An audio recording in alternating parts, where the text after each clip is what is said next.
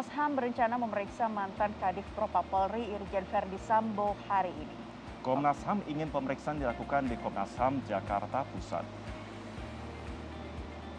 Sebelumnya Komisioner Komnas HAM Khairul Anam menyebut Komnas HAM juga akan memeriksa istri Verdi, Putri Chandrawati. Namun pemeriksaan Putri baru bisa dilakukan bila Verdi sudah selesai diperiksa. Polri telah memutuskan tempat penahanan mantan Kadif Propam Polri Irjen Verdi Sambo otak pembunuhan Brigadir Nofriansah Yosua Huta Barat di rumah tahanan Makobrimob Kelapa II Depok, Jawa Barat. Irjen Verdi Sambo sebelumnya sudah ditahan di Makobrimob dalam rangka pemeriksaan dugaan pelanggaran etik karena menghilangkan barang bukti. Apakah nanti bisa uh, kita di apa di uh, apa meminta keterangan sama Pak Freddy Sambo itu di Komnas HAM ataukah di tempat eh, apa brimob atau di tempat eh, pidum lah itu yang kita belum tahu. Kami sih berharap kami masih bisa meminta keterangan Pak Freddy Sambu di Komnas HAM. Hampir dua pekan terbakar, api di perbukitan Danau Toba di Kabupaten Samosir, Sumatera Utara mulai padam. Hingga Rabu sore kemarin, titik api sudah mulai tidak terlihat. Kepulan asap hanya terlihat di sekitar perbukitan di Desa Turpuk, Malau, Kecamatan Harian. Meski demikian, kondisi ilalang yang mengering menyebabkan kebakaran di kawasan ini masih rentan terjadi. Mengantisipasi api kembali muncul, personel gabungan masih terus disiagakan. Setidaknya ada 200 personel gabungan diturunkan untuk mengendalikan api. Pihaknya sudah mengamankan dua orang diduga pelaku pembakaran lahan. Sebelumnya sebanyak 69 personel dari Korps Sabara Polda Sumatera Utara diturunkan untuk membantu pemadaman api di perbukitan Danau Toba. Mereka datang dengan membawa peralatan tangki air, racun api, mesin penyemprot air, dan peralatan lainnya. Selain Satsabara, Poldasu, 25 personel Brimob Poldasu, Kompi 2, Batalion B, Pematang Siantar, dan 30 personel Manggala Agni, Sumatera Utara 2, Pematang Siantar juga turun bergabung dengan tim dari Pemkap Samosir dan Polres Samosir. Kondisi medan yang terjal menjadi kendala petugas untuk memadamkan api. Tapi memang kita terkendala dengan kondisi topografi yang cukup berat. Di mana lokasi tele ini topografinya curam. Saya perkirakan ini sekitar 45 derajat sehingga resiko untuk pada saat pemadaman apalagi kalau dengan kondisi angin kencang sangat berisiko sekali sehingga terkadang kita harus mengatur strategi yang baik dengan kerjasama dengan seluruh tim. Badan Narkotika Nasional Republik Indonesia menggelar operasi laut interdiksi terpadu dengan Sandi Purnama atau Gempur Peredaran Narkoba Bersama. Kepala BNN RI Komisaris Jenderal Polisi Petrus Golose membuka operasi tersebut di Pelabuhan Bitung. Operasi itu sendiri dibuka langsung oleh Kepala BNN, Komjen Pol Petrus Golose di Pelabuhan Bitung. Untuk memutus peredaran narkoba, BNN menggandeng Korpolairut Mabespori, Dirjen Bea Cukai, Kementerian Perhubungan dan Kementerian Kelautan dan Perikanan dalam operasi laut bersandi Purnama. Peredaran narkoba menjadi perhatian serius Presiden Joko Widodo. Selain narkoba, operasi laut bersandi Purnama akan menindak penyelundup, prekusor, atau bahan pembuat narkoba. Operasi laut interdiksi terpadu merupakan tindakan preventif dan represif untuk kasus peredaran narkoba mafia pengedar narkoba masuk kategori kejahatan luar biasa karena mengancam masa depan bangsa.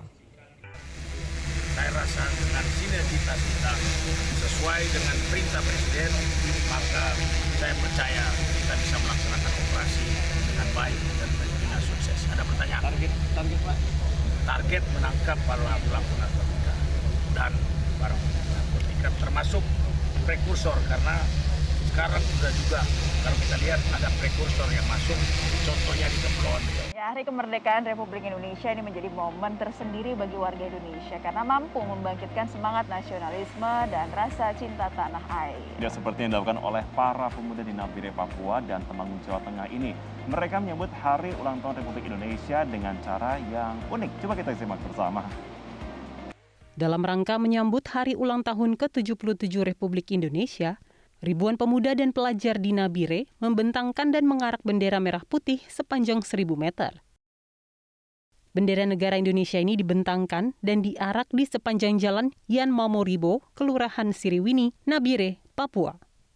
Kegiatan ini diinisiasi oleh kelompok para pemuda sebagai penanda dimulainya sejumlah kegiatan di Kelurahan Siriwini yang turut menyemarakan perayaan kemerdekaan Indonesia.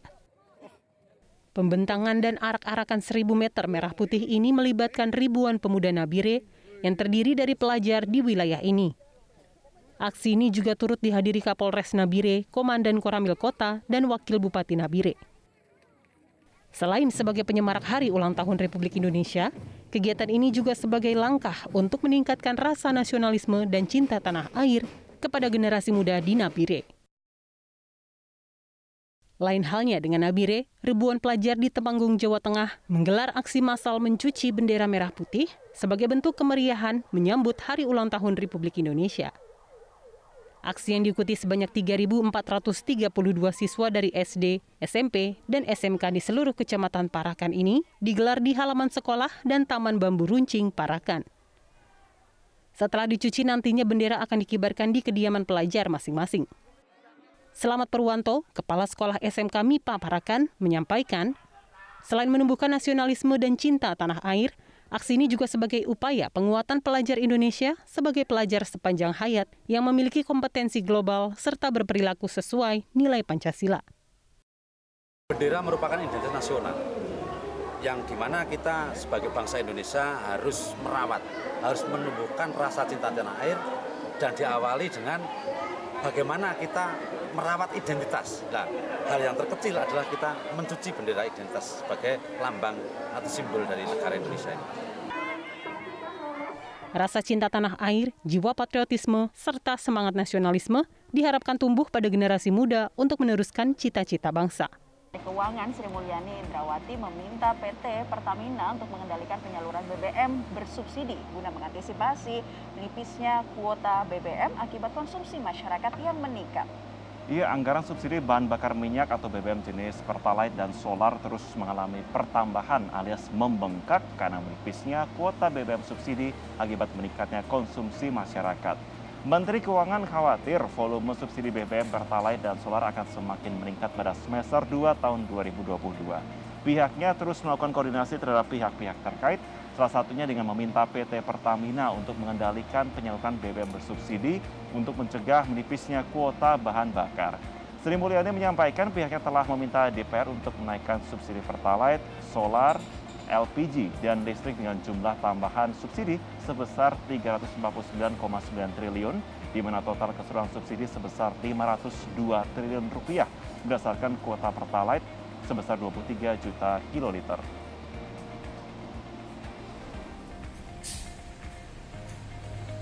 Jadi ini subsidi bergerak terus nih karena harga kan bergerak terus baik volume maupun harga.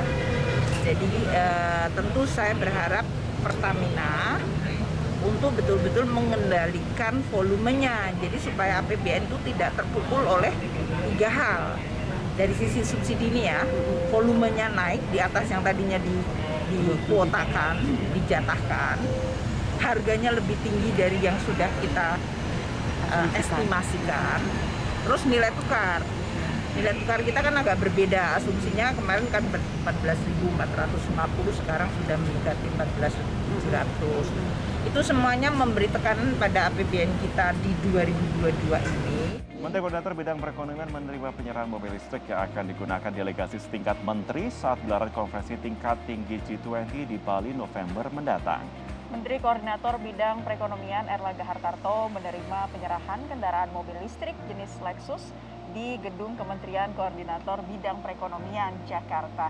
Sebanyak 143 unit mobil listrik Lexus UX 300e telah dipinjamkan pihak Toyota dan diserahkan langsung secara simbolis oleh perwakilan pihak Toyota Astra Motor kepada Erlangga Hartarto.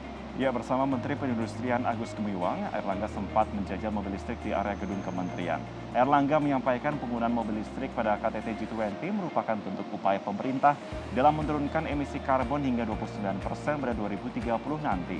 Dengan adanya penyerahan ini, maka kendaraan yang akan digunakan delegasi pimpinan dan tamu negara dalam KTT G20 di Bali dipastikan tersedia lengkap. KTT G20 akan diselenggarakan pada tanggal 15 hingga 16 November 2022 di Bali yang merupakan puncak seluruh proses dan alur kerja presidensi G20 Indonesia.